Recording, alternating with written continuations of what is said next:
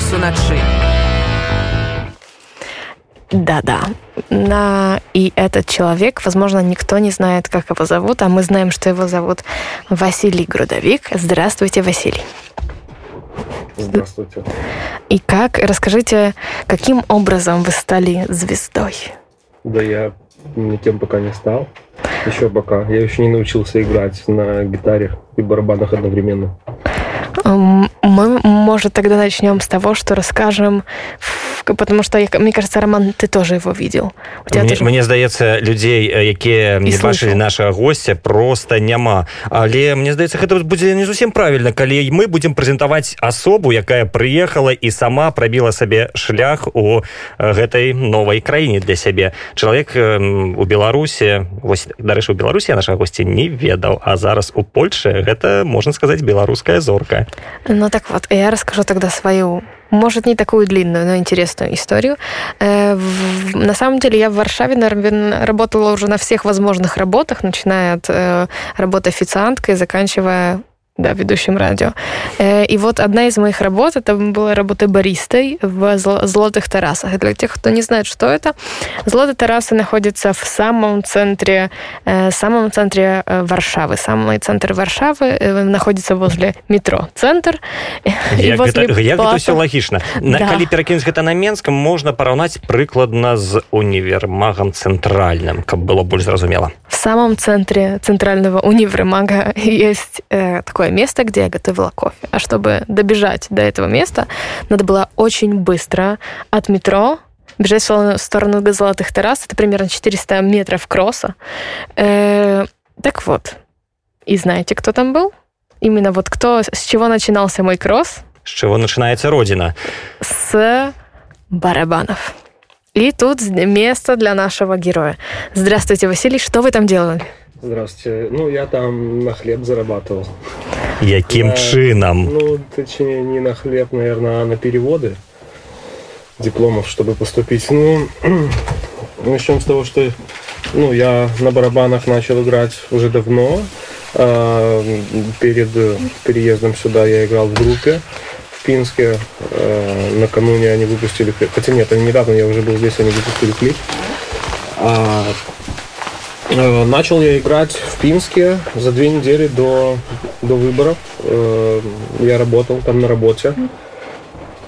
Но захотел уволиться, она меня достала. И уже тогда я подошел к ребятам, которые играют на гитарах, подошел, сказал, давайте я привезу барабаны. Они охотно согласились, мы попробовали, было супер. Сейчас, извините, сейчас, дорогие мои э, телеслушатели, телеслушатели, потому что еще уже скоро придут и появится у нас еще камера, и нас будет не только слышно, но и видно. Мы включим одну песню, песню-сюрприз, а потом еще раз начнем говорить с нашим прекрасным гостем. Откажи мне на пытание, коли ласка, коли ласка, за кого мяне ты лічыш любы. Я сапраўдна не вар'ятка, не дурніца, не бунтарка і не прагну звесціся да шлюбу.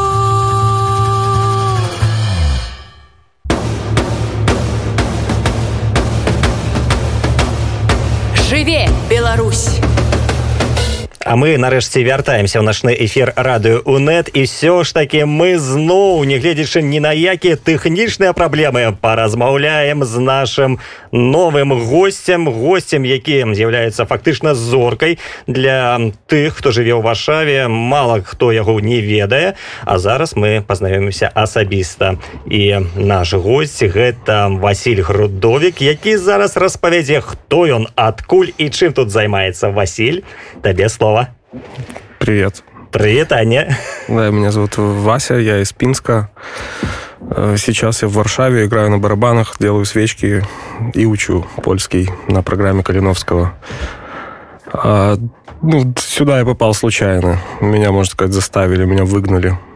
Кто посмел? Да, расскажи, расскажи, как, как, расскажи изначально, это веселая история, история или грустная? Усатый таракан. Ага, значит, не веселая история, но это та история, которую мы любим. Да. Расскажи, расскажи, как это произошло?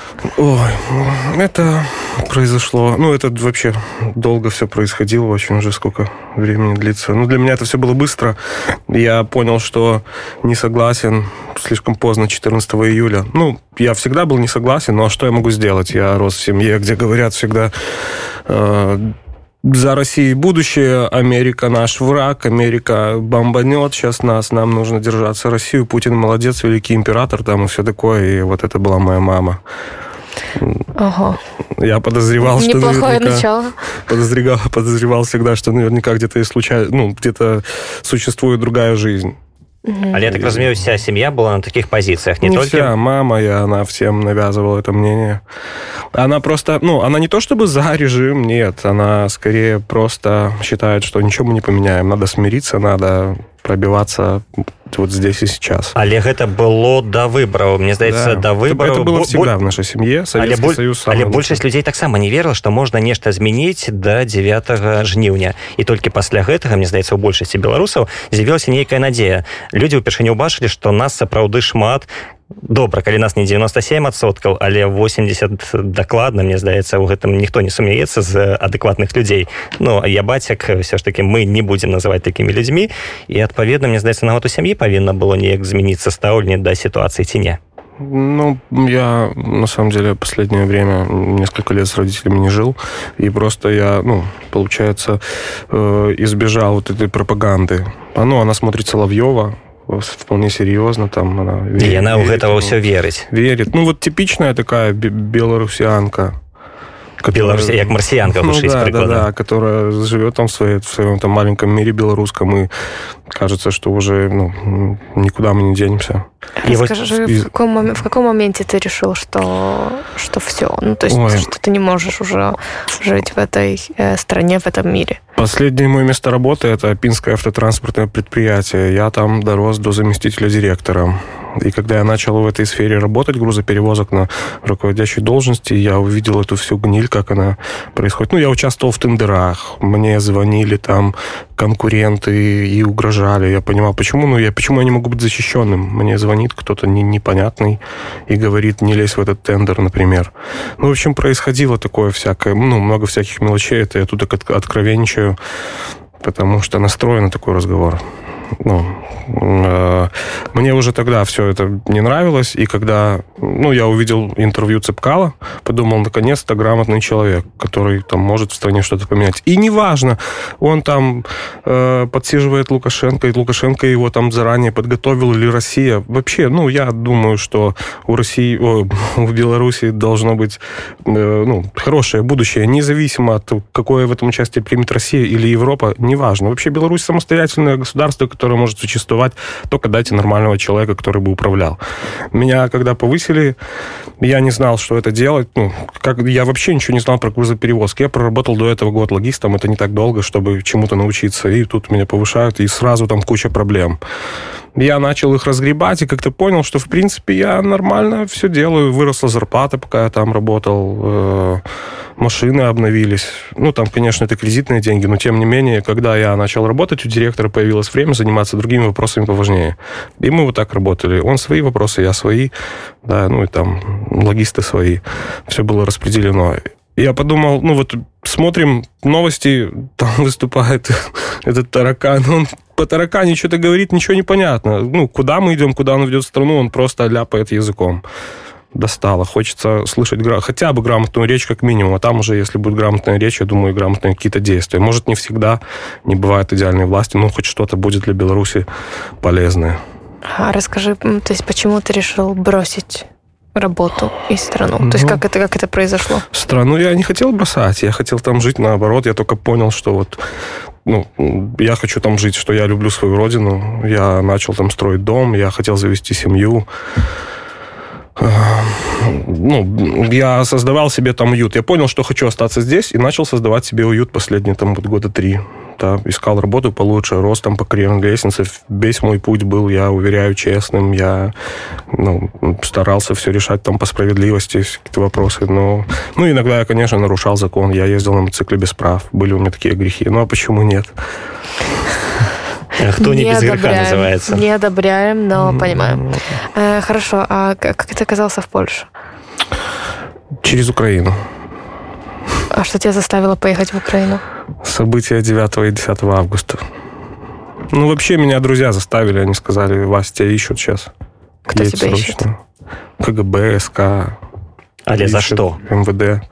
За мои действия 9 августа. Э, про их можно распавядаць ці не я думаю уже да я думаю уже ну, осталось недолго. Э, сэнсе ты можешь зараз распавесці что так что послужило прычынай твайго пераезду да, і каб табе ад гэтага нічога не было? Тут гэта перадусім да, уверен ли ты что тебе ничего не будет грозить или твоей семье твоему здоровью? Уверен что нет.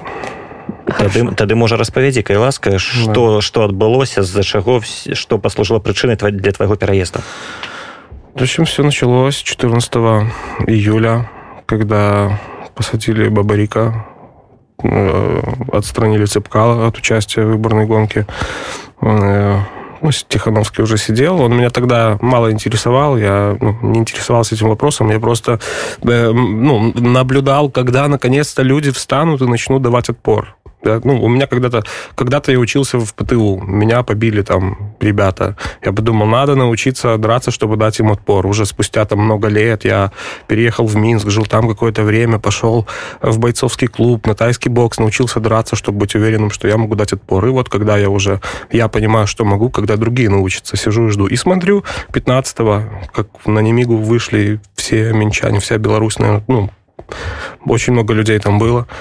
Они начали давать отпор ОМОНу, я подумал, ура, наконец-то. Наконец-то, вот мой выход, настало мое время, теперь я могу, ну, что-то, ну, как, быть, как-то быть полезен. Я так разумею, ты вышел у Менску, не у Пинску. Нет, нет, я тогда был в Пинске. Я нашел э, этот чат «Пинс для жизни» в Телеграме. Вступил туда, прочитал, где собираются наши активисты, он приехал на встречу, там не только активисты, там вообще как бы в чате было 12 тысяч, по-моему, человек, это достаточно много, 120 тысяч населения, 130. Кожный десятый. Да, да, да. Каждый десятый. Ну, учесть то, сколько у нас там... Пенсионеры, не, маленькие пенсионеры дети. Так, не, не, не умеют пользоваться телеграммом и так далее, то это очень даже хороший процент. Это понятно, что еще там их сопровождают столько же.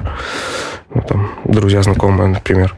Э, ну, так вот, вы мне напоминаете, о чем я остановился, потому что много мыслей. Э, добра, мы скончылі на тым, што вось адбыўся гэты дзень, вы прачыталі ў тэлеграме, дзе люди да, збіраюцца і пайшлі да гэтых людзей. Пошел к этим ребятам, э, познакомились, ну, там, особо я там не делился своими историями. Ну, я уже тогда э, понял, что хочу уволиться с работы начал играть на улицах, потому что, ну, я работал, у меня были кредиты, они сейчас есть, и когда я увольнялся, я, ну, мне нужен был какой-то запасной вариант, чтобы я мог их платить.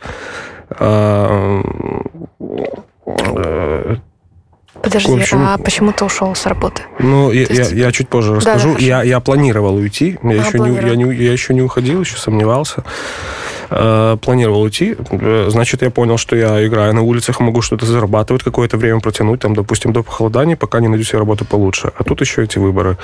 Э, тут, смотрю, белорусы дают отпор. Познакомился с ребятами и понимаю, что ну, работа подождет, это все подождет, по поиграю на улицах, поживу там, может, себе в удовольствие, еще и, блин, прикиньте, если как круто будет, если еще и власть между делом так получится поменять, потому что достало. Ну и вот начал там ходить, участвовать в, в их, ну, выполнять там какие-то задания, там, например, листовки разбросать, там, или отправить письмо в ЦИК, там, а то, ну, это я не помню как этот документ назывался прэтэнзія или что. Хутчэй за ўсё гэта былі скаргі але так такое ну, пытанне э, тады збіраліся гэта былі звычайныя піншукі ці гэта былі э, грамадскія актывісты якія звычайна праяўляюць нейкую актыўнасць? Ну это были обычные ну да все были ну, і те, і те, ну, просто у гэтым вялікая розніца ёсць. Звычайна ёсць пэўны адсотак насельніцтва які праяўляе актыўную пазіцыю нягледзячы не на палітычныя нейкія падзеі не на выбары а просто людзі якія маюць сваю пазіцыю і яе э, паказваюць. А ёсць на, большасць насельніцтва якая далучылася непасрэдна падчас вось апошніх палітычных падзеяў. І гэта зусім іншая катэгорыя і зусім іншы адсотак. Ну в общем там было собиралось нас человек 7-10 постоянных, это там, ну, кто-нибудь из админов чата, И просто много людей подходило, уходило, подходило, уходило. Ну, конечно, приходили менты, пытались нас прогнать. Поначалу было страшно. Ну, я, ну, я не знал, на что они способны. Они сейчас возьмут, заберут, и, и что дальше? Я завтра на работу не выйду, уволят за прогулы. Зачем мне такая там запись трудовой, например, да? Хотя, ну, уже тогда было, наверное, все равно. Но лучше пусть все будет хорошо. Э, все правильно. Э, потом мне сказали, что будет пикет Светланы Тихановской без ее участия. У нас там доверенное лицо Романович Валера. Ну и, в общем, нужно было готовиться к этому пикету. Меня попросили найти аппаратуру. Я играл с музыкантами, у них там есть комики гитарные. В общем, что-то мы там одолжили и нашли что-то не сильно громкое для проведения пикета. Э, потому что, ну, еще до последнего думали, нам выделит парк. Пикет был в парке, парк выделит свою, но они рядышком провели со своей аппаратурой очень громкую дискотеку, которая мешала. И это не помешало нам, ну, собрать кучу народу. Все были с флагами, с плакатами. В общем, ну, это было что-то грандиозное и Я так в одной частцы э, стаять э, прадстаўнікі людзі якія галасуюць за Светлану Тихановскую а з іншага боку дзесьці праз вуліцу стаяць так званые ебатьки ну ебатик не было просто дискать да они да не, ну я не знаю они и готовиться, я уверен, всегда так себе, и это было спонтанно, так как и пикет, там за пару дней мы про это узнали, за пару дней мы все это готовили. А, они просто включили, и музыка громко играла, чтобы не дать нам, чтобы люди, которые пришли нас слушать, не слышали, да, ну, и они со своей задачей справились, но никто не расходился. Все понимали, что проблемы, подходили, говорили, ребят, вам бы аппаратуру, тырым-пырым, кто-то даже начал предлагать, а у меня есть там, давайте на следующий я привезу, то есть, ну, с этой ситуацией легко разобрались. Я принес барабаны, они еще не были бело-красно-белыми тогда, просто красными. Ну, это рабочая установка такая, старенькая, советская, ну, играет. Э, вот. Провели этот пикет, и мне там подарили за, ну, за, за такую помощь э, майку «Страна для жизни». Для меня это, ну, это очень важный талисман. Э, я надел ее, поехал на следующий день на работу. Ну, мне директор говорит, сними ее. Она проблемная, она у нас запрещена, тебя посадят. Ну, у него такое, такое чувство юмора. Там, ну, а сенсе ее не погрожал, он просто жартовал. Ну, ну как это? Он, он, конечно же, как директор приказал снять майку, но понятно, что он ну, мне было понятно, что он шутит, но майку нужно снять, потому что все-таки... Вы же сами как, все разумеете, это стандартный как говорят, белорусский как говорят ну, поляки, в полжартом, в полсерию. У Беларуси это кажется, но вы же сами все разумеете. Да, вы же сами все понимаете. Да, ну, то есть ситуация там была в том, что у нас работает там, три логиста, э, инженер, э, кадровик, там, например, ну, э, слесари, водители, ну, общий штат там человек 50, наверное, 50-70, ну, не помню уже сколько, неважно. Ну, там приходили, увольняясь, кто-то по договору. А у них у всех есть семьи, ну, почти у всех есть семьи, которые нужно кормить. И понятно, что если там за мою гражданскую позицию закроют всю контору, да, и все останутся это, на улице... Это были его доводы? Ну, нет, это были скорее мои. Это я так себе думал. Ну, о, о, ну он мне тоже об этом, наверное, говорил как-то ну, в другом... В другом контексте. Да. Э, знаешь, почему я спрашиваю? Потому что э, эти слова повторяют очень много людей. Очень много людей. Э, то есть у нас есть такая рубрика, которая называется «Вязни сумления». Э, и э, в этой рубрике все люди, которые приехали из Беларуси, они все приехали из Беларуси, все прошли через Обычно через битье, через э, э, устрашание какие-то, э, какие-то э, очень тяжелые, тяжелые вещи, и все говорят эту фразу, что им говорили, что там у тебя семья, грозили, например, угрожали разными разными вещами, и я понимаю в какой-то момент, что это уже это, наверное, остатки, э, остатки прошлого мышления, того, что а куда я уйду, А і таксама гэта вельмі важны момант ціску з боку праваахоўных так званых да. органаў. На што ім яшчэ ціснуць? Калі ў чалавека ёсць пазіцыя яго пераканаць у чымсьці іншым вельмі складана. І трэба знаходзіць такія балевыя кропкі на якія трэба кожны раз націскаць. І сям'я натуральна з'яўляецца такой балевой кропкай тому что у кожнага актывіста ёсць тыя за каго ён баіцца больш чым за сябе Ну і такім чынам просто дзейнічаюць беларускія сілавікі Да, но я так понимаю, что это достаточно частое э, мышление о том, что нужно не для себя, но так у кого-то есть семья, если не ты, то кто-то может остаться без денег и без работы. Ну, смотрите, там э, я э, как-то смотрел ролик Максима Каца, он говорит, вот есть твой электорат и есть не твой, который ты никакими, либо, ни, никакими э, путями к себе не заманишь, да, он останется электоратом оппонента. Ты должен э, среди своего, ну, свой электорат закрепить, да. И, ну, я думал так, эти ребята, они работают, они там, ну, ходят на работу, каждый день просыпаются, чтобы, да, работают, чтобы кормить свою семью. Они резко не встанут и не пойдут на площадь. Их, ну, их нужно долго разогревать. У них все хорошо, они же при работе, они получают там свои копейки, но они не знают другой жизни, они не пробовали просто и не знают, как может быть иначе. Они привыкли так и не хотят ничего менять. Ими заниматься не нужно.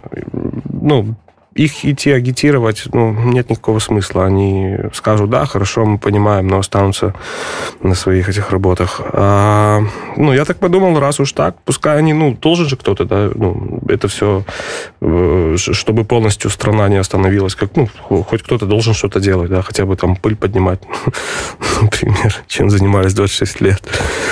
Но э, решил пойти своим путем. Я понимал, куда мне идти, у меня есть там запасной вариант. Если хорошо поискать, еще несколько найдется. Э, ну, я... Расскажи, что было дальше. То есть ты, ты... Э, то есть вы, вы, вы, ты, вы, ты начал выступать, э, получила э, майку или футболку? Майку. Мы, мы тоже хотим сделать футболки. Мы хотим сделать футболки. Если что, записывайся к нам. Угу. Мы будем делать крутые футболки. Ну, такие патриотические. У нас был здесь э, Дуданович, который делает э, футболки, и у него была очень крутая футболка с надписью «Польский кукловод». И с этим таким, знаешь, ну, типа здесь э, такая надпись, такие вот э, человек, который наш людьми управляет. Ну, угу. просто он поляк, и он такой, типа, сделал себе футболку, что вот я польский кукловод на самом деле. Так что, так что вот такое вот. Слушай, у нас еще к тебе просьба перед следующей частью. Расскажи нам, какую песню ты хочешь включить? Меня очень заряжала песня «Дай дорогу, bye-bye». Она очень заводная такая, она прям про то, что у меня тогда творилось, что я переживал. Да, то, что я видел э, в роликах на Ютубе, тоже было в этом клипе, только, ну, только это компьютерная графика, но так передалось. Коротко и ясно. Так что коротко и ясно. Bye-bye. А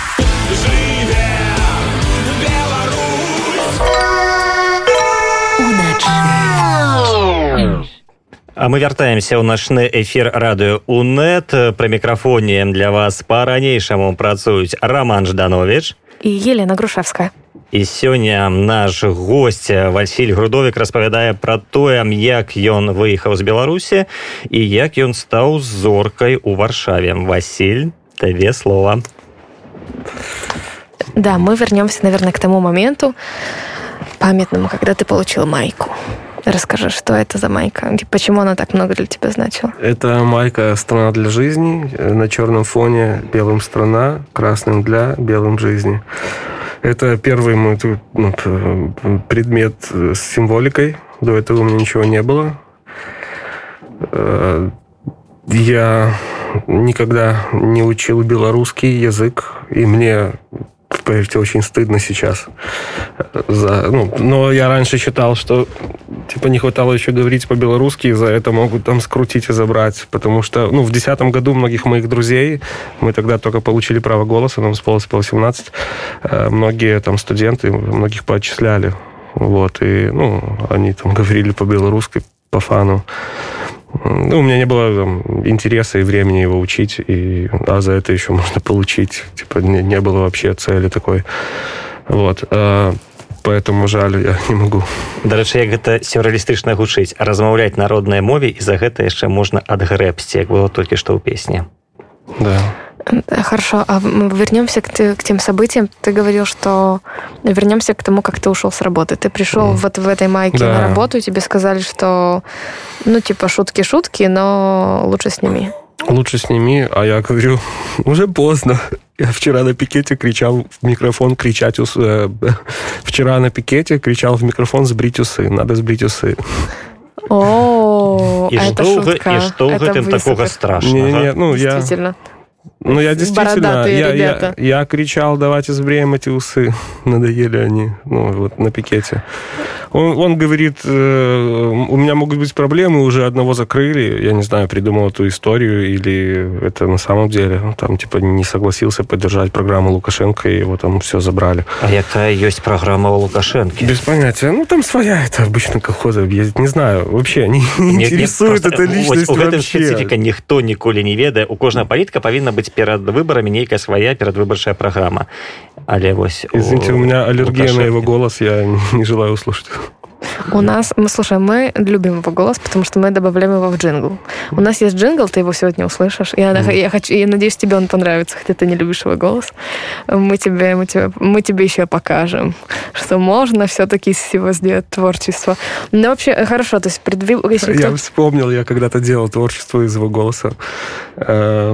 У меня были нарезки, где он пытается играть на баяне. И я сделал клип такой э, из... Ну, короче, сам Из рисовал. У меня, у меня были картинки, да, это мой первый опыт с видео. Movemaker еще прога такая стандартная у Windows. Он типа играет на баяне, я подрисовал ему баян в Paint. Все было в Paint, прикиньте. і там і там нават ж была песня жду что ты придешь а быть может И нет типа подходит девушка и типа раздевается. Ну, это было коряво, все в квадратиках, но э, Ну, так не знаю, приятно. где сейчас этот ролик. Я сейчас вспомнил его. Спасибо. напомнил. Ну вот э, мы, мы стараемся, чтобы это было несколько более элегантно і пазітыўна и позитивно. У и меня позитивно. было 15 лет. О, ну слушай, это, ну, надо сказать, да, то, что, то, что Лукашенко так, так давно мешает людям жизни, это приводит в ужас. А Расскажи, пожалуйста, хорошо, то есть ты пришел к, э, к этому чуваку, сказал, что э, вот э, я м, уже кричал такие слова. Да, уже есть- все, не избежать. Он ничего, ничего вы не поменяете. И что он сказал? Ну, он говорит, ничего вы не поменяете. Я Ага. говорю, поменяем. Такой, увольняйся. Ну, я такой, нет, нет, как? Подождите, подождите, давайте я не... Ну, это бе- без договора поработаю, займусь экспедицией. Он такой, нет, типа, все. А потом что-то у него климануло. Он такой, Василий, короче, давай все-таки оставайся, занимайся экспедицией, сейчас там время пройдет, выборы пройдут, все наладится, обратно тебя устроим. Ну, я типа, ох, Облегчение. я уже, я уже не хочу, если честно, уже не могу, давайте я уйду. Ну, и, короче, мы играли вот эти кошки-вышки. Мне, типа, заигрывания да. с Мне, Мне, типа, работодателем. мне, типа, ну, просто было это в шутку, а он там, ну, у него просто постоянно там, сегодня мы работаем с теми, завтра с теми, сегодня бочками, завтра цистернами, сегодня еще чем-то. Вот тут такой человек, там у него 7 пятниц на неделе, и я вот был, ну, Со мной так я, нельзя. Я, я, мои я решил, типа, ну, с этого посмеяться там у себя где-то внутри. Ну и вот, когда он мне сказал, все, типа, увольняйся, я обрадовался. Потом он передумал, почему меня там 29-го уволили, вот он еще там на качелях этих сидел. 29 ліпеня ці чэрвеня Э, а, э, июля 26-го был пикет, 27-го, 28-го я поработал, 29-го. Ну, вот он мне сказал, увольняйся. Э, Ну, в общем, и все. Я, И я что ушел, было ушел. далее? Хотя я, я хочу рассказать. Он сказал, увольняйся, приходи завтра с зарплатой. Я на следующий день пришел. У нас в конверте она, как и, кстати, в Беларуси почти вся зарплата в конверте, в частном бизнесе. Никому не верьте, давайте вот это вот исправлять.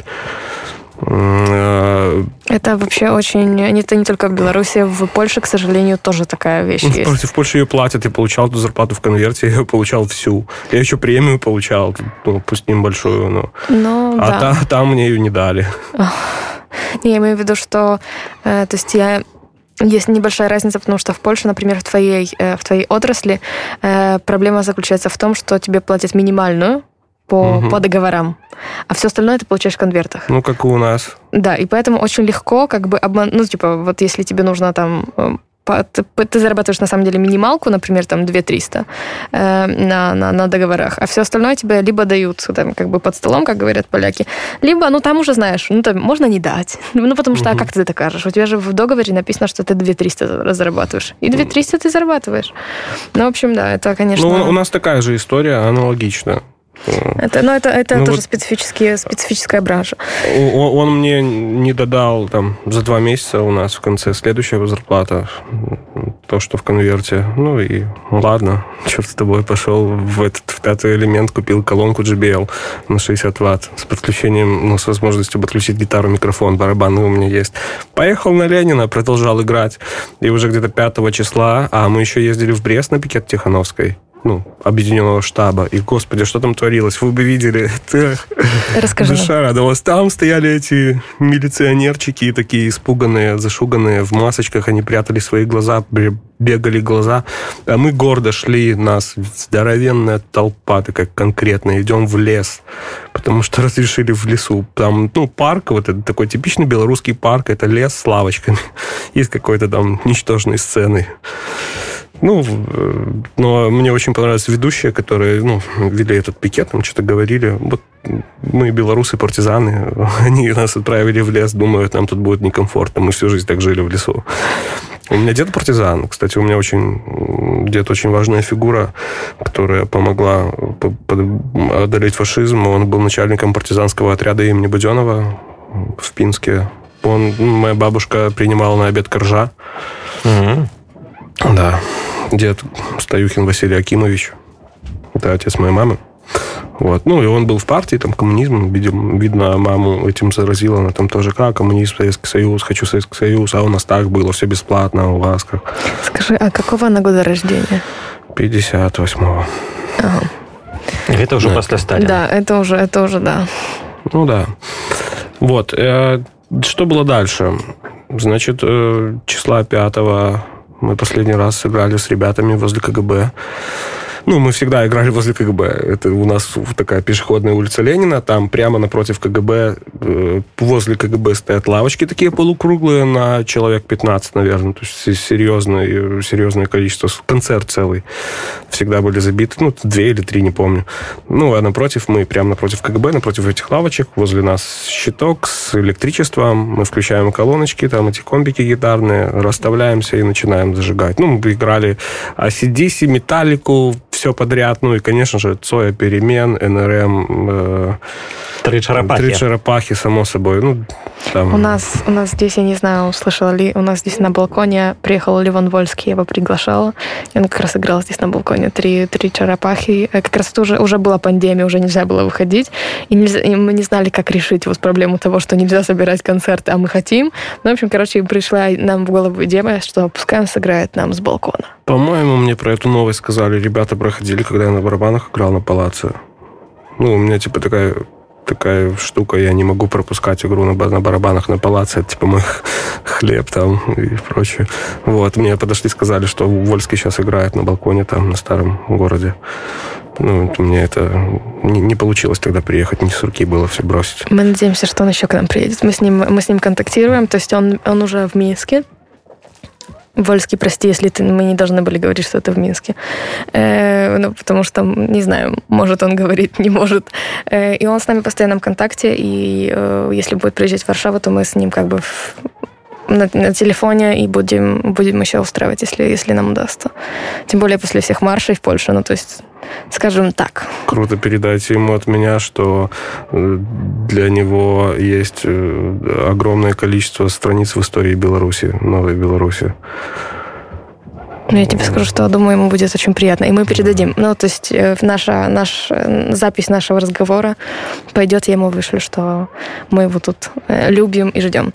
Хорошо, расскажи, что было дальше. То есть это было... Это уже конец лета? Да, ну, это где-то 5 августа я тогда ждал э, срок двое суток за мотоцикл за еду без прав, езду без прав. Э, я просил отсидеть перед выборами. И вот думал, как раз с 5 по 9 я все сделаю, и 9 выхожу на выборы, на защиту голосов. Вот, но там что-то мне так и не дали, сказали после. Вот мы поиграли, тогда мы только расставились, начали играть, приехали менты, э, давайте там эти объяснительные всякие, там тырым-пырым, приехали электросети, выкапывают кабель от щитка. Типа, ну, они его часто выключали автоматы, но у нас есть монеточка, открыли, включили, играем дальше. Как бы не страшно, а тут они уже прям выкопали кабель уже там. Серьезно было все, электросети, кабель. У меня колонка на аккумуляторе, если что, это нужно было с гитаристом для комбиков. Я так ему сказал, ребята, смотрите, та-да, пошел, там эти барабаны в машину занес, спрятал, говорю, не заберете, не, не сейчас, не ваш день. Да, я так разумею, што вось паступова мы падыходзім непасрэдна да 9 жніўня дзень Адназначна, які змяніў гісторыю беларуся сённяшнюю гісторыю беларусі і што было у вас у гэты дзень і як гэты дзень змяніў ваше жыццё у меня восьмого я подстригся, побрился в барбершопе, чтобы девятого быть красивым. Да, и, Боже ну, мой, это? я там оделся. э, Ну, я, я в последнее время, кстати, очень важно жил у себя в беседке. Я ее построил э, на участке. Э, у меня там был турник, я отжимался, подтягивался. То есть мне, я понимал, что мне нужно быть в форме на всякий случай, если придется бежать. Вот. Ну, я тогда уже готов. Боксерский мешок висел на вечеринках на мешке. Там, ну, хорошая была бы идея приклеить пор- портрет Лукашенко. Ну, она не реализовалась. Ну, не было принтера под рукой как-то. Такого всегда. большого, знаешь, Да. чтобы, чтобы хорошо В выглядеть. весь рост. Б- Да. больш- Большой мешок. Ну, я раньше занимался, я рассказывал. Да. Вот. э, Подходим к девятому. Ну, и, значит, я, значит, оделся, заехал в магазин, там купил что-то там, ну, с родителями посидеть, поболтать к чаю, купил бутылку вина, шампанского, и по дороге она разбилась. Это знак, не знак, я подумал, ну, может быть, это В зависимости знак. от того, суеверный ты или нет. Я нет. ну, Стекло на счастье. стекло на счастье. Ну, да. А шампанское к пьяным девкам? не абавязкова яшчэ э, раней калі караблі спускалі на ваду або Ну іх да, на разбівалі удачу, конечно. конечно Ну вот, короче, не дали этой бутылке открыться. Я думал перед выборами с родителями выпить, пойти голосовать. Э, В общем, э, ну, надел браслетик, с родителями поругались, конечно, перед выборами. Они типа, голосуй за стабильность, там есть хороший кандидат среди этих четырех, там я не помню их фамилии вообще. Мама там кого-то выбрала. Среди четырех Ну, не, не, не, я имею в виду уже без Светланы Тихановской. Ага, там, ага. Она, ну, какая она в списке была, не помню. Но, ну, там был список из пяти, и вот эти вот четыре. Она говорит, типа, выбирай из четырех. Не, я вам говорю, один кандидат. Мой кандидат Светлана. Ну, там себя промолчала. Э, Вот. э, Пошел, проголосовал, созвонился там с ребятами из оппозиции, поехали. А, э, заехал к девушке своей, поболтали. А Потом поехал на памятник партизанам. Там договорились все встречаться. Приехал, было много людей. Они так были раскиданы по маленьким компаниям. Там памятник такой, ну, по- помнік парк, гэта да. самы цэнтр горада не-не-не, Не? это окра... ну, это возле кольца, там окраины пинчане знают, кто был в Пинске, тоже примерно представляют. У нас э, город пересекает такая центральная улица, она называется Первомайская, через весь город. А центр города на окраине, за центром речка, за речкой уже там район. Эм, э, Ну и, значит, мы встретились все и идем в сторону к, пами- э, к горисполкому на улицу Ленина. Э, Прогулка занимала минут 40, потому что через весь город и где-то на середине, на переезде железнодорожном приехали менты, начали создавать нам препятствия, не пускали, угрожали, говорили нельзя, нарушаем общественный порядок, нас очень много, тырым-пырым. Короче, мы там по кучкам разбежались, оббежали их со всех сторон, ну, как могли, и встретились. Э, Подошли к горисполкому, ну и там, значит, уже щиты выстроились такие красивые все. Ну, так себе красивые, конечно. Вот это, я просто был в белорусской армии, э, я служил в резерве, и я вот знаю, как это все выглядит изнутри. Вот эти вот там ну, видно, ОМОН отправили, если у нас он в Пинске есть, куда-нибудь в столицу, а у нас вот всех этих со всех деревень посозывали, этих горбатых и кривых, извините, с, отели их как бы как, либо они создали там впечатление, будто они крутые ОМОНовцы, там Вся идут, королевская стучат, армия, на самом деле все вся видно. королевская мощь. Да-да-да. раць Рать. Там, точно. извините, меж- между нами некого было бить, мне кажется. Ну, короче, я не хотел драки совсем. Ну, э, я уже говорил много раз, я действительно так считал, я думал, что все-таки нужно как-то честно, нужно, чтобы Светлана, после есть программа «Голос», которая там свою роль сыграет, Павел Дуров потом еще нам помог. Э, э, Я думал, что получится мирно. Ну, а если нет, ну, там, допустим, месяц у нас на мирные протесты, а если нет, то уже там через месяц можно уже весь мир признает наши выборы э, незаконными. Идейными, так. Да, и уже можно, не знаю, брать вилы, топоры, все, что в сарае, и идти, ну, например, да, я, я не радикал ни капли, обещаю, ну, клянусь. Обещаю и клянусь. Расскажи, что было дальше. Ну, значит, часа два мы стояли, разговаривали с этими милиционерами, там был их начальник Корвяковский, такой, не помню имя, фамилию. Э, Он с такими искренними глазами, высокий такой, ну, начальник милиции все-таки, высокий, широкий, с искренними глазами, говорит, что мы пришли сюда защищать людей от вас, от злыдней таких, которые пришли их бить. Но я никого бить не собираюсь, честное слово. Я говорю, никого вообще. Дайте посмотреть, как выборы проводятся. Ну, вот у нас был такой диалог, мы типа из толпы кричим, они там своей, но содержание такое, да. Дайте нам проверить, насколько все честно. Мы голосовали, это наш голос, это наше право. Не мешайте нам. Они типа, а вы их на них нападете? Ну, у них такой э, контекст, что мы на них нападем и переделаем все голоса, потому что все за, за Лукашенко и по-другому быть не может. Это было понятно. Ну, в общем, он, он предложил в, в, из нас, из всех, там, ну, людей было очень много, выбрать пять, ну, пять человек, там, поглавнее, да, и, ну, я был среди этих пяти, нас вообще вышло шесть. Э, мы он нас завел к горисполкому, что-то там звонил кому-то мэру, не мэру, не знаю, с кем он там э, разговаривал по телефону, долго разговаривал, спустился какой-то усатый дядька, показал протокол, что-то такое. Ну, я не смотрел этот протокол, я э, что-то думал сам себе, разговаривал с этим Корвяковским, я позже расскажу про диалог. Короче, мужик сказал, что за Лукашенко 78, это усатый из Грисполкома, 78%. Э, среди нас там был юрист, который, ну вот, опять обманули.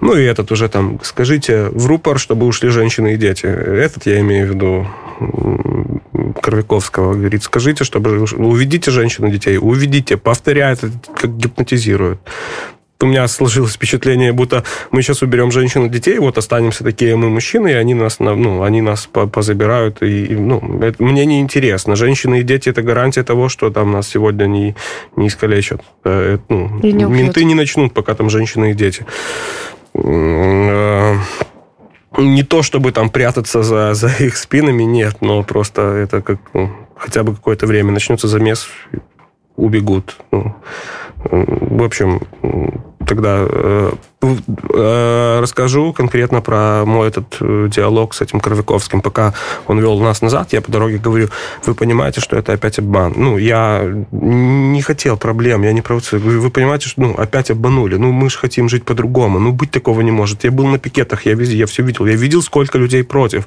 Это, это уже не десятый год. Ну, одумайтесь надо защищать голос, ну, на, надо провести справедливые выборы, дать этой стране шанс. Он говорит, типа, ты тут кто такой, ты польский кукловод, давай, ну, там у него велась запись на видеорегистратор, он мне э, говорил, то, то есть сейчас люди нападут на нас, да, типа, ну, вытягивает из меня там признание. Я это тоже понимаю, я ну, не отвечал там на этот вопрос так конкретно, но говорил, что ну, просто что-то будет, что-то случится, случится беда, не хочу беды. Он типа, уведи женщин и детей. Ну, и вот мы, он привел нас обратно. Э, там этот юрист сказал тогда в рупор, женщины и дети, уходите. Никто не ушел. Э, мы продолжили стоять. И еще стояли вот с этого момента часа два, наверное. Я стоял в первом ряду, бегали в ментов, врезались всякие пьяные ребята. И я представил Я жизнь... так разумею, что это были провокаторы. Нет, нет. нет пьяные ребята. Я, ну, я, я, я не, не уверен, что это провокаторы. Их было много разных. Я вот как я представлял, представлял их жизнь. Это люди какие-то, возможно, кто-то из них предприниматель, возможно, кто-то там рабочий, водитель автобуса, фуры, неважно, кто угодно это мог быть. Он просто вот живет в этой фигне, он он живет в этом всем, все он, все он это понимает, э, и просто выпил так для смелости, чтобы наконец-то угу. показать, что у него, извините, есть яйца. Да, э, и а, ну, они бежали, мы их останавливали. То есть, ну, мы, ну, мы с ними разговаривали. Типа, не надо, не сейчас, не время. Подождите, мы мирно. Давайте сделаем там эту э, дорогу, чтобы менты прошли, сдались, да, сдали там щиты, да, разошлись, сделали им такой проход. Э, я им говорил все это время, вас ждет другая жизнь. Сейчас много очень программ. Ну, то, что говорили на пикете Светланы Тихановской. Бизнес против, все против. Программ много. Всех ментов, ну, все, всех милиционеров, уволенных, репрессированных, там, кто попал, ну, всем помогут переехать, работу найти помогут всем. Давайте, сделайте вы этот шаг, освободите страну. Э, обманывал, что в почти все города там сдали, э, ну, сложили щиты, говорил там по порядку. Бобруйск, Борисов, Коблин, все, что, ну, с географией все нормально, я в перевозках работал, все подряд города там. Вот. У э, ребят не было шансов. Но они засыпали там, ну, я видел, как у них глаза закрываются через эти шлемы. Щиты не все были металлические, где-то пластмассовые. Э, видел, как они засыпают. Э, ну, и это все было бесполезно. То есть они не хотели, они боятся, не знаю чего, там, своих контрактов этих, что им придется выплачивать, что их найдут, что их убьют, без понятия. Как их там запугали. Но видно было, что их запугали. Они, они там из-за страха работают. Ничего не получилось, и потом Коровяковский, судя по всему, это мои рассуждения, дал команду нас окружить. Мы начали отступать. Э, ну, получается, я бегу, за мной, и справа от меня щиты сверкают. Ну, уже темно, отключили свет в том месте, куда мы бежали. Не сразу тогда еще был. Я не помню подробностей этих. Да, там еще был свет э, еще там ребята снимали на телефон. Мне попал э, в, в легкие газ этот от, от баллончика, не знаю откуда, я начал задыхаться. Это длилось примерно минуту, я забежал там в толпу, отдышался, потом иду в сторону щитов, передо мной лежит палка, я остановился, плюнул в их сторону, взял палку и начал махать. Ну и там вместе со мной еще кто-то. А, ну вот мы махали, махали, махали, пару раз получилось попасть, один пластмассовый щит у меня точно треснул. Да. Э, ну, они начали отступать, потом развернулись, их пятки сверкали, бросали в них все, что вот мы... Кто-то что-то бросил, они отступают, оно уже опять перед нами, опять поднимаем, бросаем, и вот так вот было там там такая дорожка длиной 100 метров, они все эти 100 метров получали от нас. Часть забежала за угол, там, там тоже, ну, они говорили, что сдаются, говорили им там, ложите щиты, они не ложили, приехал какой-то УАЗик, вышел какой-то э, капитан, не знаю кто, какой-то у них там главный, стрельнул в небо из пистолета, мы убежали. Потом решили пойти маршем по городу, прогулялись, а я машину припарковал возле ресторана «Франт», это недалеко от Грисполкома. И получается, что после этого набережную окружили. Это на набережной. Я пытался ее забрать. Э, вот после этого марша я там поймал попутку, меня подвезли к машине. Там ходили милиционеры. Я понимал, что если меня поймают, все, и оставил там машину. В ней там был, ну, ключи в, в колесе должны быть, их там кто-то, ну, короче, они тогда потерялись. А, телефон в машине, кошелек в машине, там вся моя жизнь в машине, я в одной одежде, там, то уже а, этот август, холодно, в одной майке. Ну, я оделся просто, чтобы можно было легко передвигаться. Вот, э, значит, что было дальше? Дальше, когда я уехал уже оттуда, демонстрантов прилетел ОМОН э, на вертолете, начал их всех задерживать. Я тогда ну, принимал меры, мне нужно было побриться, у меня очень опозна... ну, узнаваемая борода, у них же есть мои видео. Короче, я побрился, переоделся и пошел тогда на работу, вот с которой меня уволили. Э, там выпил чайку, ну, там, там сторож был, он не знал про, про меня, он знает, что я ну, там, недавно уволился. Выпил чаю, значит, там переночевал, а утром пошел за машиной. Э, получилось через эту пешеходную улицу выехать, хотя там все еще было оцеплено, но внимания возле нее там, ну, ни, ни, никого не было. Э, машину вывез и ждал, что будет сегодня, 10 10 ну, тоже в 6 часов поехал в город, встретил там ребят, которые 9 были, не всех забрали. Я обрадовался. Людей было очень много. Многие там поприезжали из Минска, кто учился, в общем, ну, из других городов.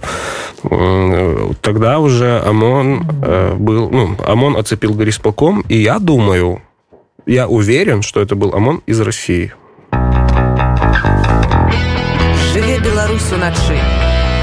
Давайте представляться. Роман Жданович. Елена Грушевская. Глеб Семенов. Грудовик Василий. Да, теперь... Аплодисменты, бурные аплодисменты. Да, еще у нас есть здесь э, Александр Залеский, который нам махает ручкой. Да. Э, так вот, мы возвращаемся уже полномасштабным составом. Почему? У нас сегодня будет... Золотой состав Фиакры у нас сегодня. Да, ребятки, э, точно, точно, точно. Просто першая гадзіна ночы, першая 30 нават таму все жарты ў адным кірунком, так что Да, мы, нам, нам пора. Слушайте, мы, я бы хотела, чтобы мы все поговорили по поводу э, Польши, но не в смысле о том, как она прекрасная и зеленая, только по поводу того, как в ней бывает тяжело. Э, в нашей студии Василий сегодня нам рассказывал о своей, о своей жизни, и э, мы дошли до событий 10 сентября. Не, это был все ж таки жнивень. Но не сентября, значит. Так, это жнивень все ж таки, это август. А, ну да, конечно. Ну вот, чего ж ты меня не поправил? Потому что я для этого и есть. Да, да. 10 августа. И тут как раз поворотный момент событий в жизни Василия. Василий, что было дальше? Ну, 11 мне говорят срочно уезжать, меня ищут, хотят наказать. Я поехал в Украину, в Луцк. Ну, я ехал три дня через леса, в сторону Бреста по дороге. Я думал, может, все-таки в Литву, а потом, нет, дальше ехать и решил в Украину. Э, сказал всем, что я иду во Львов, но на самом деле поехал в Луцк. Сказал во Львов, чтобы запутать на всякий случай. Э, в Луцке я неделю сидел в машине, э, читал новости. Я думал, власть вот-вот свергнуть, я вернусь домой. У меня там есть что терять. Потом понял, что это бесполезно. Мне мои близкие люди отправили барабаны в Житомир. Я поехал в в Киев, по дороге забрал барабаны, ну и начал там играть вот с Киева. Первая мысль или первое действие, которое ты выполняешь, когда понимаешь, что власть не сквергнута, пожалуйста, пришлите мне барабан. Я буду играть. Так и было. Ну, Потом э, вернулся в Луцк, подал на визу, поехал во Львов, поиграл там. Ну, это вот все заняло месяц. Э, вернулся за визой в Ковеле перед отъездом. На страховку не хватало. Ну, я на машине все это время, ну, чтобы возить свои вещи. Э, ну, ну и так я оказался в Польше. А расскажи вот теперь поподробнее, потому что здесь в нашей студии есть Глеб. И Глеб, я надеюсь, ты прочитал статью про, про Василия и нам расскажешь, о чем Кукорк написал. Что за тест? Какой-то экзамен, о котором мне предупреждали заранее. Да, я прочитал статью о Василии, безусловно. Э, и ну, Василий переехал в Польшу, соответственно, и сейчас он играет периодически, насколько я понял из этой статьи, э, бегло ее прочитав, э, играет э, на барабанах и зарабатывает этим самым больше, чем зарабатывал э, в Беларуси. Угу. Настолько, настолько хорошо, что мы узнали о Василии из э, новостей, и мы его э, э, назвали звездой. То есть, понимаешь, здесь среди нас вот четверых есть на пяти, пять человек и одна звезда. Да. Замечательно. Почему? Ну, ладно, хорошо, я не буду оспаривать. Э, так вот, э, ты играешь на барабанах и да. зарабатываешь этим больше, чем в Беларуси. Ну, тут немножко все иначе. Я играю в барабанах и делаю свечи. Сейчас зима, холодно, и на барабанах особо не поиграешь. Я выхожу играть реже, людей выходят меньше. Кстати, мы, я и... несколько раз проходил мимо тебя, когда тусовался в центре. Ты там сидел, и если я ничего не путаю, играл перемен, наверное, может быть, ну, а может да. не перемен. Ну, ну, плейлист у меня понятен. Там, ну, белорусские, любимые, и начинаю польские добавлять по чуть-чуть. Тільки єдно в голові мав. Тільки єдно в голові мав. Дарэчы, дарэчы, давайте я ж таксама далучуся. Мне вельмі хацелася б даведацца, як палякі ставяцца да таго, што нехта спявае не на польскай мове. Я думаю, што не ўсе разумеюць, што гэта менавіта беларуская. Можа падыходзяць, пытаюць, што гэта, што адбываецца, пра што вы спяваеце, што вы нясеце. По-разнаму. Ну, напрыклад, як самая, самая дзіўная рэакцыя на ваши выступы. Э, ну, обычно подход, ну, цветы подарили, вот. Я так разумею, гэта, гэта, подарили. Дзяўшы, ну, натуральна, было б дзіўна, калі ну, ну, было самое плохое. Плохое гэта так, что? Секундочку, это почему было бы удивительно, если бы парни подошли, подарили бы цветы? Э, я, прынамсі, такога не бачыў. Ну. Калі дзяўчыны дараць кветкі, гэт... вось. Вось гэта пацверджанне маім словам. Да-да, хорошо. Сейчас, подождите, не- немножечко вернемся на круги свои. А тебе поляки что-то говорили по поводу твоей творчества? Ну, они говорили, классно, давно играешь. Там. Ага, а, м, По- пона- Поначалу, извините, они говорили по-польски, и я говорил, «М, прzepraszam, не разумеем. Э, Гэта галоўны набор слоў якія трэба для пераезда ў да, Польшу да, да. Да-да. Хорошо, а скажи, ну то есть э, как-то сыграло свою роль то, что барабаны не просто были красные, а... Ну, я их приехал в Украине. Мгм. Я подумал, э, у украинцев такое было. Я хочу, чтобы они знали, что происходит на Беларуси, потому что не все знают. Вот, хотя там следят за новостями, большинство знает. Ну вот я просто э, обклеил барабан и начал играть в Украине. И в Украине, конечно, там ну, все понимают, есть там исключения, которые, да чё вы, вот у нас тут беспорядок, но это там 0,3%. А что, 0,03. то есть были люди, которые приходили и говорили о том, что ничего не изменится? Не, таких людей не было. Были, ко- которых там встретишь, они увидят белорусские номера и заговоришь с ними. А так вообще нет. Конечно же, все понимают, что там происходит. Все видели эти синие тела и говорят, не-не. Ну, а в Польше, э, ну, тоже многие знают, не все понимают, что я из Беларуси, наверное. Я играю и рок-н-ролл, там старые песни, а английские, американские. Вот. э, Ну, я белорусские играю, ну, у меня играет просто плейлист, там любимые белорусские, любимые э, зарубежные, любимые там даже русские есть, любимые украинские. нічога сабе нават Да. расійскі як гэта гучыць И любимые польские. Ну, то есть русские, я имею в виду русские, да, ну, белорусские есть на русском языке, а польские, которые тоже ну, любимые. Народ здесь ни при чем. але расійская песня перемен стала адным з сімвалаў беларускіх Ну, пераменаў я, я про это. То есть, э, я же говорю, народ тут ни при чем. Э, э, что дальше было?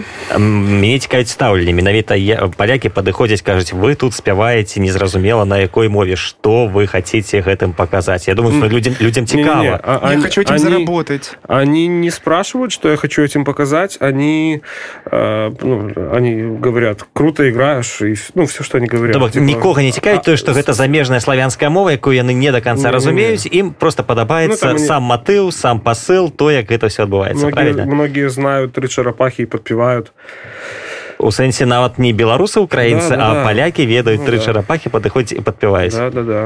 А, ты казаў што былі нават э, такія нейкія спецыфічныя моманты ці падыходзяць нейкія асобы якія Рэпер подошел и ударил меня.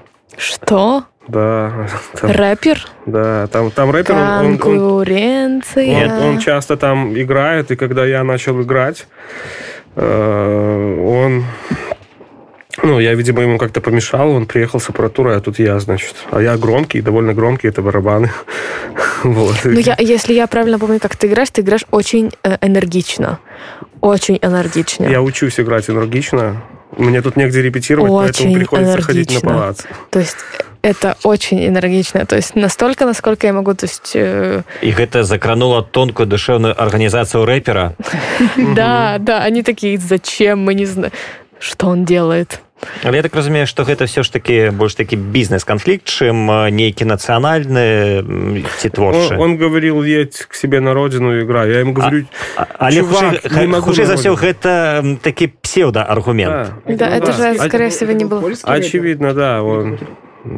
Это, э, это правда, это, это правда, э, конечно же. Слушай, а с- тогда следующий вопрос. Э, Следующий вопрос, связанный как раз э, с жизнью не на родине.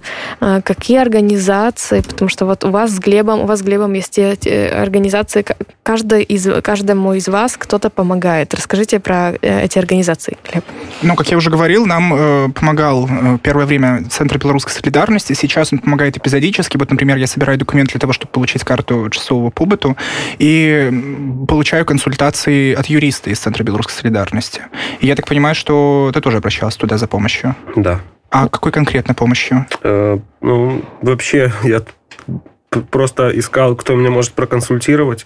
Э, м, Я спросил у полиции, это был там второй мой день, э, спросил у полиции, куда мне идти. Э, я из Беларуси, я хочу играть тут на барабанах. Они сказали, играть можешь здесь, иди туда-то. Ну, там, и вот они меня отправили на Мазовецкую 12. Вот. Ну, я туда пришел, рассказал... Нагадаю, что Масавецкая 12 – это адрес, где размещается Центр белорусской солидарности. Да. Я туда пришел, познакомился там с ребятами, заполнил анкету, они меня опросили, я рассказал свою историю. Они сказали, что я могу либо подаваться на беженство, либо поступить, либо все сразу, но лучше поступить. Ну, я решил, да, почему бы нет, хочу европейское образование. И куда же поступить? У меня есть. Ну, Э, так случилось, что я, э, у меня есть диплом там, бакалавра, и я типа с этим здесь могу сразу в магистратуру. А где в магистратуру на кого? Кто, кем же ты будешь? Антикризисное управление. О, это, слушай, это очень, это, мне кажется, понадобится. Э, и Я в новой думаю, стране, что... и в старой стране, в любой стране это понадобится. В старой стране это было бесполезно. Там ну, насколько я понимаю, ты не собираешься возвращаться в Беларусь, Пока как следовало из текста. Как, как я туда попаду сейчас, э, даже если поменяется власть, какая от меня польза? Я думаю, какая от меня польза.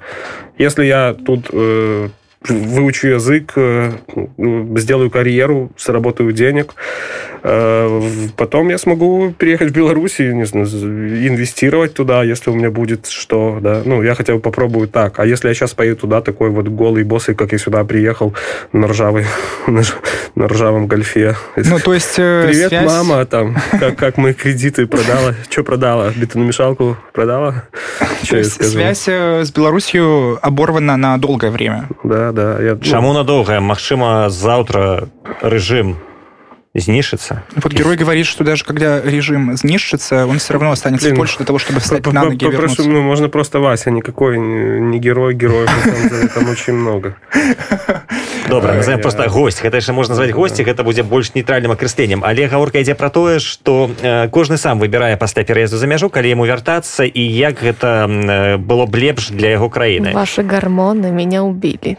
Чаму? Я уже не знаю, что говорить. А Я ты можешь, а ты можешь нас просто слухаць. Мне здаецца, на, так добрая идея. Что, что вы собираетесь со мной воевать? Мы с тобой сябровать. Сябровать. Хорошо. Слушайте, давайте тогда включим что-нибудь приятное что-нибудь приятное, что-нибудь вкусное.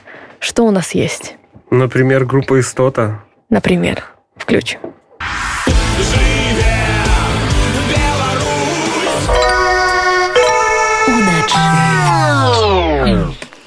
Здравствуйте, дорогие слушатели. А в нашей студии э, три грации, а вернее четыре прекрасных молодых человека. Э, Вася, Глеб, Роман и, и конечно же, Александр. Чему мы забыли про Александра? Александр я... немножко дальше. Але ён у нашай студыі. Да. І я не хочу, каб мы его про яго забывали, я буду нагадваць про яго кожны раз. Хорошо. Три мушкетера. И, и Д'Артаньян. Добро, что не Симонян. Именно, именно. И мы говорили о том, как выглядит жизнь в Польше свежеприбывших. Среди свежеприбывших у нас Глеб и э, Вася, расскажите, э, вы, уже разговаривали мы по поводу того, какие э, помогают э, общества и службы и каким образом можно себе жизнь здесь организовать. С чем у вас были самые большие проблемы? С чем были связаны? Ну, мои проблемы были связаны конкретно с поиском квартиры, потому что я как-то до последнего оттягивал момент обращения в Центр белорусской солидарности. Я э, рассчитывал на старое знакомство. В общем, моей мамы есть здесь подруга в Польше, которая занимается как раз арендой э, и сдачей квартир. Вот, она ведет какой-то там бизнес, ну, не сама, типа, а со своими приятелями, но, тем не менее, все эти дела она ворочает в Польше. И мы как-то договорились, что, в общем, э, она поможет мне с квартирой, хотя в это время мои знакомые наставили на том, чтобы я скорее обратился в Центр белорусской солидарности, а не ждал там море погоды, потому что, ну, типа, женщина довольно туманная. Короче, в конце концов, она меня опрокинула с квартиры в самый последний момент, когда уже мне фактически нужно было уезжать с того места, где я жил изначально, как только приехал в Польшу. И э, потом я обратился уже в Центр белорусской солидарности, мне там выделили волонтера, функция которого заключается в следующем. Он э, не, ну, конкретно мой волонтер не помогал мне именно найти квартиру. Квартиру искал я там на сайтах, э, вроде OLX, например. Но он вместе со мной приезжал на эту квартиру и на польском общался с э, арендодателем, собственно. Вот, помогал там заполнить договоры, читал, что написано, типа, что этот договор э, значит для меня, к чему он меня обязывает и все остальное. Э, но вот этот вопрос решился довольно быстро, и, и собственно, и все. И я живу сейчас в этой квартире, которую нашел вместе с этой прекрасной и девушкой. Я помню, что, э, Вася, ты мне рассказывала, что у тебя был вопрос во всем, на самом деле. Даже начиная от того, что ты сам себе искал э, специалиста, который мог бы тебе рассказать, что здесь, что здесь происходит и где можно искать помощь э, и по каким программам. Как у тебя это выглядело? Не, я просто э, человек не стеснительный. Если мне нужно что-то узнать, я найду у кого, у прохожего пристану. Так что не будет шансов. Ну, я спросил у полиции, куда мне идти. Они сказали Мазовецкая 12. Э, и... Дарэчы, а на якой мове ты камунікаваў з паліцыяй? Ну, я открывал э, тлумач и переводил там. Такой, типа, сам Короче. посмотри, что мне Не, не, надо. не, не, Да. знаете, короче, вводишь в гугле, потом нажимаешь на это на, на воспроизведение, Да. типа, и Послушай, подносишь. пожалуйста. По- По-разному это тоже проходил, все способы хороши. Сперва по-русски, не понимает, по-белорусски, не понимает, открыл переводчик уже там... По- э, очень классно в Google Translate можно сказать, а потом воспроизвести это на другом языке. Супер функция, спасибо, ребята, выручили. Вот кто помог больше всего. Живи, Google. Да. Ты говорил, что тебе помогли не только по программе, но еще какая-то там одежда. Потом, э, я не помню, ты вот со своей машиной тебе удалось доехать или просто? Да, да, удалось доехать, слава богу, до сих пор э, работает, иногда лампочки горят, но... Подожди, но тебе передавали какие-то вещи из Беларуси уже сюда, в Э, Польшу? Да, ну, мне родственники передали документы мои для поступления, дипломы. Ничего не было А каким образом, если не секрет? Э, Ну, я нашел Варшава в Польше, э, белорусы в Варшаве. Э, Нашел там... Варшава в Беларуси, Беларусь в Варшаве. Ну, нашел там женщину, которая едет, позвонил родителям, сказал, вот, передайте. Просто, блин, вот я как раз столкнулся с большой проблемой по этому поводу, потому что я приехал вообще без каких-либо вещей, точнее, я приехал с большим чемоданом вещей, но, как выяснилось, нет ничего того в этом чемодане, что я мог бы использовать уже когда похолодало, и я фактически остался просто вот гол, как сокол, собственно. И я э, просил, чтобы мне переслали вещи из Беларуси, и мама стала заниматься этим вопросом, и она, в общем, звонила э, на какой-то автовокзал, наверное, то ли в Гомеле, то ли еще где, то ли в Речице, может быть, спроси- чтобы через маршрутчик там отправить мне пакет, или там несколько пакетов с э, вещами, и в силу того, что в тот момент был уже введен без, э, бестоварный въезд, это как-то отражалось и на вот э, конкретно этой активности, и поэтому нам сказали, что это невозможно передать вещи из Беларуси в Польшу сейчас. У меня э, всю дорогу было легко. Я, ну, я просто зашел в группу, написал объявление, отозвались люди. Я спросил, сколько можете привезти, они мне там сказали, ну, там, столько-то, там, давай такую-то сумку. Ну, Изначально мне нужны были документы, потом я подумал, скоро зима, закиньте там куртку, ботинки, все закинули, я заехал на вокзал, забрал. А так можно было, Единственная трудность у меня была, по дороге закончился бензин. Вот, ну, постоянно не хватало там чего-то, в основном денег, и там заправить машину нормально. Закончился бензин, но это было возле вокзала, я там быстро, канистра уже у меня готова. Ну, короче, к, проблем- к проблемам я приготовился заранее. Василий, Вот. такое пытанне ты вось распавёў што табе сваякі перадалі гэтыя дакументы якія былі табе патрэбныя для паступлення але Мгм. з таго што ты распавядаў да гэтага у тебе маці вельмі скептычна ставілася да тваіх поглядаў да тваёй пазіцыі ці неяк змянілася і адносіны да таго што адбываецца ў краіне да таго што адбылося з табой пасля вось гэтай сітуацыі калі табе давялося з'ехаць Э, Я попрошу следующий вопрос. Во-первых, ситуация еще в стране не стабилизировалась. я не еще кажу там- про стабілізацыю я кажу што да 9 тое што было ў нашай краіне до 9 жніўня і тое што стала пасля 9 жніўня гэта абсалютна розныя краіны Да, это разные э, страны, э, ой, но ну, мама не верит все еще в победу. але яна верыць у цябе Нет. Эм, Здесь, мне кажется, мы должны несколько завернуть разговор по поводу, потому что родители э, и их э, взгляды на жизнь это то, на что мы, к сожалению, не имеем никакого отношения к счастью или к сожалению, но иногда и они по отношению к нам, и мы по отношению к ним. И- Слушай, вот расскажи, э, находясь уже здесь сколько там, несколько месяцев, да? Три месяца, да. Да, вот что бросается на первый взгляд, что здесь лучше, чем в Беларуси? На первый взгляд и на второй, и на третий все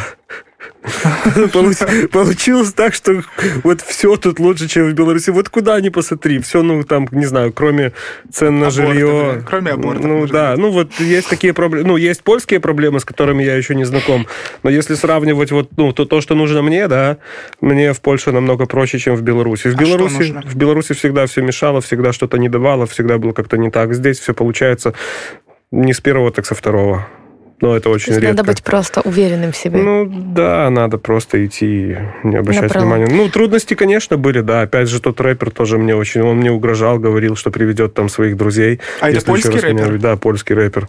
О, Господи, есть, ну, ему, 13, ему 13 лет, ему 13 лет, да, он приведет ну, своих друзей. Нет, ну я ну, имею в виду типичный-типичный польский рэпер, его контингент, это вот 13-летние дети. Слушай, тебя сильно испугало? Это угроза? Ну, смотри, он привезет друзей. Э, они пристают ко мне, а я такой человек импульсивный. Если вот уже достали, у меня очень много металлических э, штук рядом. блин. Я взял, ударил, блин, не знаю, мало ли что. Меня полиция забрала, депортировала, все. Так, ну. на этой прекрасной ноте мы, вклю... мы, мы, ну, мы включим да, музыку. кстати, хочу дать совет, извините, белорусам, давайте быть смелее, давайте давать сдачи, когда нас обижают. Но не в Польшу. Не садимся в тюрьму. Не в Польшу, да. Тюрьма в Польше неприятная, говорю по своему опыту. А теперь песенка. Живе Беларусу начи. На гэтым начны эфир на радыё УНэт на жаль заканчваецца. Пры мікрафоне цягам апошніх гадзінаў для вас працавалі роман жданович елена грушевская. Глеб семенов грудой Василий